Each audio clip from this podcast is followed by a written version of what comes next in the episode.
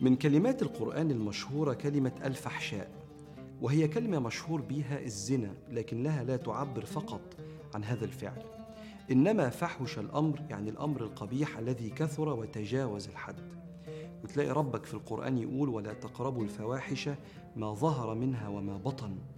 يعني ما تسمحوش للأمر القبيح اللي ممكن يصدر منك كإنسان مخطئ إنه يزيد.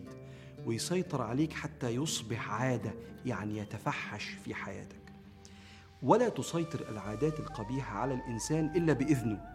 عشان كده دايما الخبراء كانوا يقولون راقب كلماتك فإنها ستؤدي إلى أفعالك.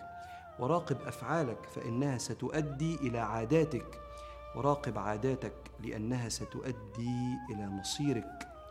عشان كده القرآن عبر بلفظ ولا تقربوا الفواحش ما ظهر منها وما بطن.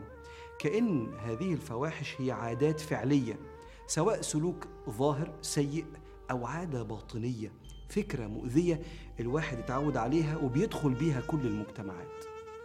والعادة هي شيء بيفعله الإنسان من غير وعي بيسموه الأوتو بايلوت زي الطيار كده اللي بعد ما الطيار الحقيقي الإنسان يقوم الطيارة بيبدأ تمشي بال automatic system بتاعها. ساعات الإنسان يتملك منه حاجة سيئة ويمشي بال automatic system من غير وعي يعمله. العادات السيئة دي منها المحرمة ومنها المسيئة. من أمثلة العادات المحرمة الألفاظ البذيئة. تتعصب مرة فتشتم أو تعبر عن اللي جواك بلفظ فاحش ليه نشوة كده وانت بتقوله. لو كررتها من غير ما تستمع للي بينكر عليك سواء ضميرك أو صاحب مقرب محترم ستتفحش هذه الألفاظ اللي قلتها مرة وتنقلب إلى عادة سيئة قبيحة محرمة. نفس الكلام ده في الاستماع للأشياء المحرمة للغيبة مثلا. وربك بيقول وقد نزل عليكم في الكتاب أن إذا سمعتم آيات الله يكفر بها ويستهزأ بها فلا تقعدوا معهم. حتى يخوضوا في حديث غيره إنكم إذا مثلهم. كأن ربنا بيقول لك ما تتعودش وتستسهل سماع الكلام الغلط لحسن يبقى عادة فتبقى زي اللي بيقولوا أقصد في مداومتك على الكلام القبيح.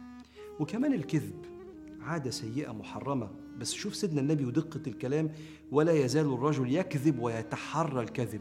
كأن في شيء تكرر حتى تفحش وصار وصفا عادة مسيطرة على الإنسان.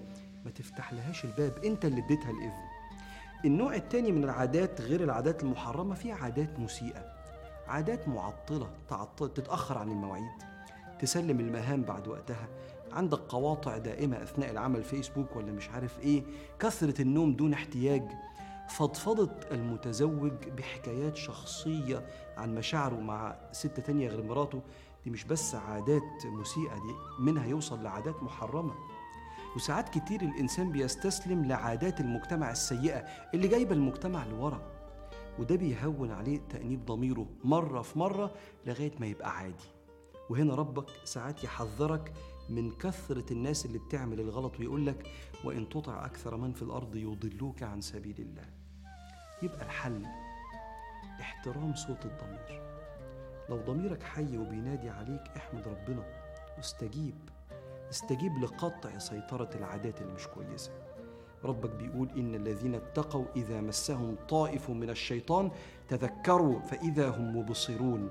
لما الشيطان يوزك بحاجة أو المجتمع اللي حواليك ينقل لك حاجة مش كويسة وضميرك يبقى حي يقول لك ما تقلدش الغلط احترم هذا الضمير الحي.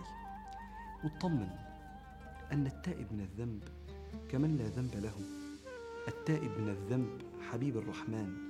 مهما سيطرت عليك أي عادة مسيئة أو محرمة إذا تبت منها بدل الله سيئاتك حسنات.